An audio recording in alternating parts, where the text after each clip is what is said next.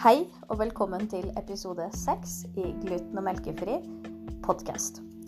I dag så skal vi snakke litt om eh, meieriprodukter og hvilke erstatningsprodukter jeg liker og foretrekker, og ikke minst anbefaler. Det vanligste spørsmålet jeg får, det er hva kan jeg bytte ut prikk, prikk, prikk med og da blir jo min oppgave først og fremst å finne ut hva i all verden er det du skal bake. Uh, og hvis ikke det er en helt konkret oppskrift, så synes jeg det er vanvittig vanskelig å gi et godt svar. Og grunnen til det er som følger. Det finnes veldig få alternativer med eksakt samme uh, oppgave og eksakt samme Guri, nå datt jo ordet helt bort for meg. egenskaper. Eksakt samme egenskaper som meieriprodukter. Et typisk eksempel er f.eks. kulturmelk, krem fresh og rømme. Eh, for det kommer da helt an på hva det er du skal lage for noe, hva jeg vil anbefale deg å bytte det ut med. Eh, og det har jo noe med at du på en måte må veie egenskaper opp mot smak i den aktuelle retten. Eh, skal du lage vafler og vil ha kulturmelk i dem, så vil jeg jo anbefale at du bruker en blanding av eh, vegansk yoghurt, eh, vegansk melk og en liten dæsj med eddik for å få syre. Eh, skal du derimot bytte ut eh, en dæsj rømme i eh, en asiatisk rett som har fått en veldig sånn norsk vri, så vil jeg anbefale at du bruker kokosmelk i stedet. Eh, mens skal du bake et bakverk hvor det er krem fresh, så må jeg ærlig innrømme at krem fresh har jeg aldri bakt med. Men jeg vil tro at prikk, prikk, prikk fungerer. Og dette her handler jo også mye om at jeg bruker ikke eh, nødvendigvis oppskrifter med meieriprodukter i når jeg baker, når jeg lager mat. Jeg lager ting fra mitt eget hode, så jeg vet at dette her kommer til å fungere veldig bra. Eh, jeg finner eh, flere ulike oppskrifter, kombinerer de i én oppskrift hvor kanskje én sier krem fresh, én sier kokosmelk, en tredje sier yoghurt. Og da velger jeg jo det jeg har i hus, eller det som jeg liker best. Og det er jo det som er med mange av eh, eh meieriproduktene. I middag så har de jo ofte to eh, hovedegenskaper. Og det er å runde av en smak, tilføre litt syre, eh, eller tykne eh, en rett. Eh, og da er det forholdsvis enkelt å, å, å bruke enten kokosmelk, vegansk yoghurt eller en, eh, en litt tynnere eh, form av begge deler.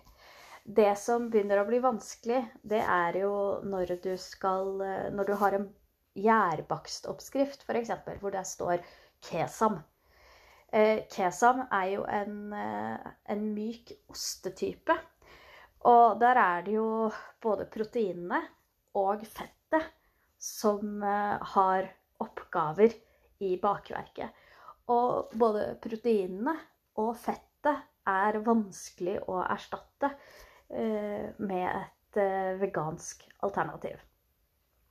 Eh, og det er jo liksom spørsmålet skal du da skal du bruke den oppskriften, eller skal du finne en som ligner, hvor valget allerede er tatt for deg, hvor forskninga er gjort, hvor utprøvinga er gjort, og hvor på en måte smakstesten allerede er bestått?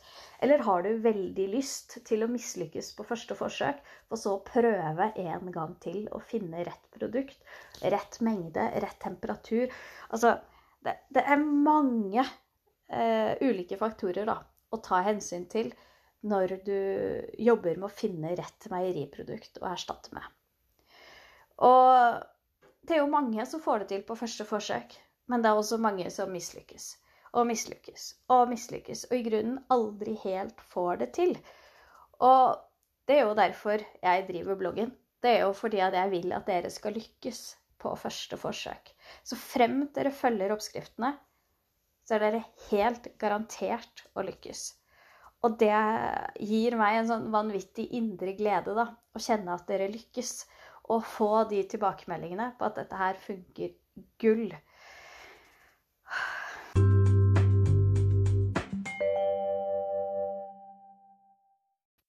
Jeg bruker forholdsvis lite erstatningsprodukter for meieriprodukter. Altså sånn spesiallagde produkter. Eh, jeg bruker primært mandelmelk. Det er, jo, det er, jo, absolutt det viktigste jeg har i hus. Jeg føler meg helt naken uten mandelmelk i hus. Dernest er det jo margarin, hvor smøremyk rapskokos er eh, min absolutte favoritt. Dernest Karlshamn melkefri margarin, som jeg kjøper i Sverige. Og samme i bakemargarin. Og så melange og blåsmøre fra Soft.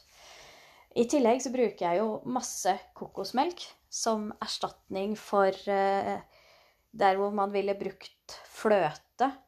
Eh, der man ville brukt kulturmelk, som sagt, da, med en liten teskje eddik oppi.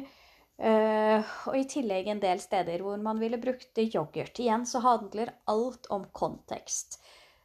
Hva er det som skal lages? Jeg kan ikke på en måte bare plumpe oppi kokosmelk uh, hvis det er uh, som proteinrundstykker som skal lages, for der er det proteinene i den cottage cheesen eller den yoghurten osv. Som, skal, som skal virke. Og der kommer kokosmelk til kort. Eh, I tillegg så bruker jeg noe vegansk yoghurt, som er kjempegodt å ha i hus, fordi at eh, det er veldig allsidig hvis du kjøper eh, den naturelle kokosyoghurten fra enten Coop eller Kolonihagen. Dessverre så er min lokale Rema 1000 skrekkelig dårlig på å ha inne Kolonihagen. Så det ender liksom opp med at jeg aldri finner det jeg trenger. Og da blir jeg såpass irritert at uh, jeg kjøper, uh, kjøper, på Coop når jeg først er der. Selv om jeg elsker kolonihagen sin med vanilje. Men det er en helt annen historie. um, og jeg har jo Rett og slett det er jo en del ting man unngår fordi at man ikke gidder. ikke sant? Eh, jeg kan jo ikke huske sist jeg laget kremkake, altså sånn tradisjonell bløtkake med krem, fordi man da må bruke en krem som kan piskes. Jeg bruker ikke soyaprodukter, fordi jeg har skjønt at det er en av de tingene som gjør meg dårlig. Jeg, ikke, jeg kan spise litt av og til, men jeg blir dårlig på lang sikt, da. Eh, Gryr har jo nå kommet med en eh, fløte som kan piskes til krem. Eh, helt grei. Eh, men det er ikke akkurat noe helsekostprodukt, så derfor så syns jeg det er greit å holde det på et veldig minimum. Eh, mange bruker den der hvor jeg da ville brukt kokosmelk. Fordi jeg syns ikke lenger at kokosmelk gir noe kokossmak. Og jeg vil kanskje også heller velge å bruke en liten dæsj med yoghurt istedenfor en klunk av den. Og det har også med pris å gjøre. Sånn at for meg så handler valg av melkeerstatningsprodukter om en avveining mellom funksjon, smak, pris og type matvare som skal eh, lages. Og jeg syns jo at det er sånne ting som er viktig å ha med seg. Og jo mer man øver, og jo mer man smaker, jo lettere blir det å velge riktig produkt. Og det er jo ikke sånn at dette her er rocket science. Altså, du, du trenger, en, trenger ikke en mastergrad for å gjøre riktig valg, men jeg tenker på de som er nybegynnere, så er det å vite hva man skal velge, da. Eh, ikke nødvendigvis gjort i en håndvending, og det er lett å la seg blende av alle de dyre erstatningsproduktene som finnes når man eh, egentlig kan velge noe så enkelt og billig som kokosmelk. Eh, jeg har jo brukt en del mandelfløte og risfløte. Og det bruker jeg når jeg ikke har lyst på kokossmak i det hele tatt. For eksempel så syns jeg at eh, mandelfløte smaker mye bedre, eller risfløte smaker mye bedre i sånn pose med vaniljekrem enn kokosmelk gjør. Og det er fordi at da slipper jeg den sånn litt metalliske smaken. Og det, det er jo detaljer, men uh, det gjør meg heller ingenting å bruke kokosmelken. Jeg bare syns det er litt bedre med, med mandelfløten. Og når jeg lager eh, vaniljekrem fra bunnen av, så bruker jeg jo øh, alltid kokosmelk. Og du har ingen kokossmak på vaniljekremen. Og det er jo fordi at du har tilsatt altså så mye egg, sukker og vanilje og litt salt, sånn at all den kokossmaken, den forsvinner. Det jeg derimot har funnet ut, da, det er jo at det finnes kokosmelkpulver i eh, asiatiske butikker. Og det er ikke melkefritt. Jeg fikk helt sjokk. For jeg tenkte at det er jo helt genialt. Enn det å kunne ha kokosmelkpulver med seg på tur, blande med kakao, litt sukker, og vips, så har du liksom ja, så har du noe å ha med deg på tur som kakao, eller du kan ha det, og så har du oppi en spiseskje i gryta. altså Uten at du da gjør gryta mer flytende. Det var så mange muligheter. Og så oppdager jeg at det er brukt mysepulver i all verden, liksom, oppi den posen med kokosmelkpulver. Og det har jo da gjort meg, for å være ærlig, litt skeptisk når jeg er ute og spiser, kanskje spesielt på asiatiske restauranter, og det er kokosmelk i retten. Og da må man jo spørre er det kokosmelk fra pose, altså er det brukt pulver, eller er det brukt fersk kokosmelk? Og er det brukt pulver, nei, da kan vi faktisk ikke spise det. Og det er sånne ting som jeg aldri, aldri har tenkt på. For hvem er det som tenker på det? Kokosmelk er jo kokosmelk, liksom. Og det viser jo bare at man må faktisk være ganske forsiktig for ikke å bli syk. Heldigvis springer jeg jo bare på do. Jeg blir ikke dødssyk. Men uh, det er absolutt verdt å, å, ta med seg som en tanke, da, allikevel. Og så skal jeg være så ærlig og si at jeg har ikke spist så veldig mye ute på asiatiske spisesteder. Men igjen vel verdt å tenke på. Nå var det jo ikke meningen min å gjøre deg redd for å spise ute, og det kan jo hende at problemet er forsvinnende lite, men det var i hvert fall en oppdagelse som gjør at jeg begynte å tenke. Uansett, tilbake til hovedspørsmålet. Eh, det var jo dette her med erstatningsprodukter. Hvilke erstatningsprodukter vi bruker, hva de koster, og hvor finner jeg de? Eh, jeg handler jo primært på OBS. Det tror jeg de som følger meg i bloggen Instagram, det har de skjønt. Og det handler om at der finner jeg alt jeg trenger. Jeg orker ikke å bruke en halv ettermiddag på å springe fra butikk til butikk, kjøre, parkere, kjøre, parkere, for å finne tingene billigere. Da går altså vinninga opp i spinninga. Jeg blir sur og grinete. Jeg vil ha det enkelt, og jeg vil finne alt. Ergo så handler jeg på Obs på Steinkjer. Um, ost finner jeg ikke i butikk i Norge lenger, her hvor jeg bor. Det vil si, det finnes jo veganske ostetyper her også, men jeg har ikke funnet én av de som jeg syns ligner på ost i smaken engang. Jeg eh, foretrekker Før så foretrakk jeg Astrid og aporna. Den finner jeg heller ikke lenger. Men jeg spiser nå Violife. Den kjøper jeg på Ica i Åre i Sverige. Eh, og så vet jeg at eh, de har den eh, på nett. At du kan bestille på diverse sånne veganske nettsider i Norge. Og så er det en del eh, store helsekostbutikker som har den. Eh, jeg syns den er uovertruffen. Den er fantastisk god eh, på pizza, i ostesmørbrød, på brødskiva.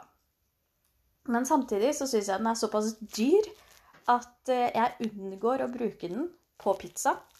Med mindre det blir helt feil å ikke ha ost. Du vet når liksom, Hvis pizzaen føles litt naken, da har jeg det på.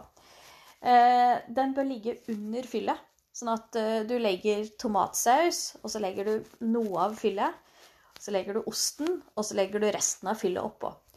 Og da får du en veldig smelta og god ost. Og det syns jeg er så godt. Eh, det blir jo litt sånn ganklæbb, som de sier i Trøndelag. Altså at den klistrer seg litt til ganen. Du får ikke disse lange trådene som du gjør på Norvegia og på Jarlsberg og sånn, men smaken er veldig god. Og den tilfredsstiller noe hos meg, da. Et uh, ostesavn. For jeg skal jo være så ærlig og si at ost er noe av det jeg har savna aller mest disse snart 20 årene jeg har vært uten. Eh, jeg prøvde å smake på ost for eh, noen år siden da jeg gikk gravid, for da tålte jeg ganske mye. og det smakte så fælt. Det smakte jo sur melk. Og jeg prøvde virkelig hardt, men jeg fikk det ikke til.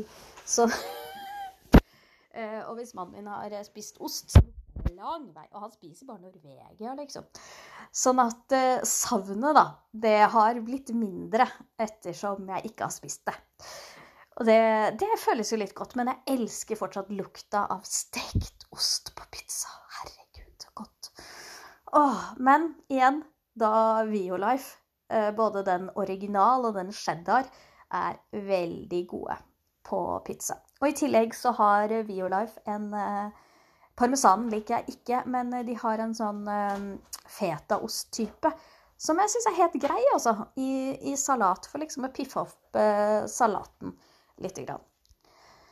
Av smørost så har jeg jo også fått tak i en som er soyafri, fra Tofutti tofuline. Jeg husker aldri hva det heter. Men i hvert fall sånn rund, liten boks har jeg funnet på Meny. Det er bare det at det er liksom 3,5 mil å kjøre hver vei for å kjøpe den. Og så er jeg ikke sikker på om de har den, sånn at det har på en måte gått litt i glemmeboka. Men da jeg var i Sverige nå sist, så kjøpte jeg eh, Violife sin smørost. Og den var fantastisk god eh, til ostekrem eh, på kake. Du så Jeg lagde jo en kake her med ostekrem på. Fantastisk god. Nei, muffins var det, vet du. Med Oreo-krem. Eh, og i tillegg så har jeg brukt den på knekkebrød. Kjempegod. Så den kan virkelig anbefales. Og den er såpass fast i konsistensen at den er veldig god å skjære opp i biter og ha i salaten. Så har du på litt uh, olivenolje, salt og pepper. Mwah! Kjempegodt.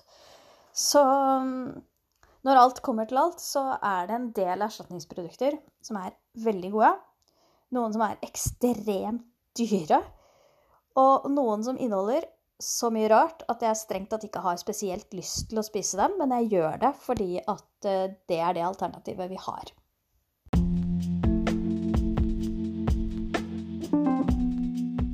Og da er det nå sånn at savner du noe i din lokale matbutikk, så spør kjøpmannen om han eller hun kan ta inn det produktet som du ønsker deg. Og jeg har til og med tilbudt meg å kjøpe et helt parti fra kjøpmannen, sånn at uh, vedkommende slapp å ha det i butikk, men bare jeg fikk tak i det. Utrolig hva som ordner seg hvis du bare tør å spørre. Og med det så takker jeg for meg, og så ønsker jeg dere velkommen neste onsdag.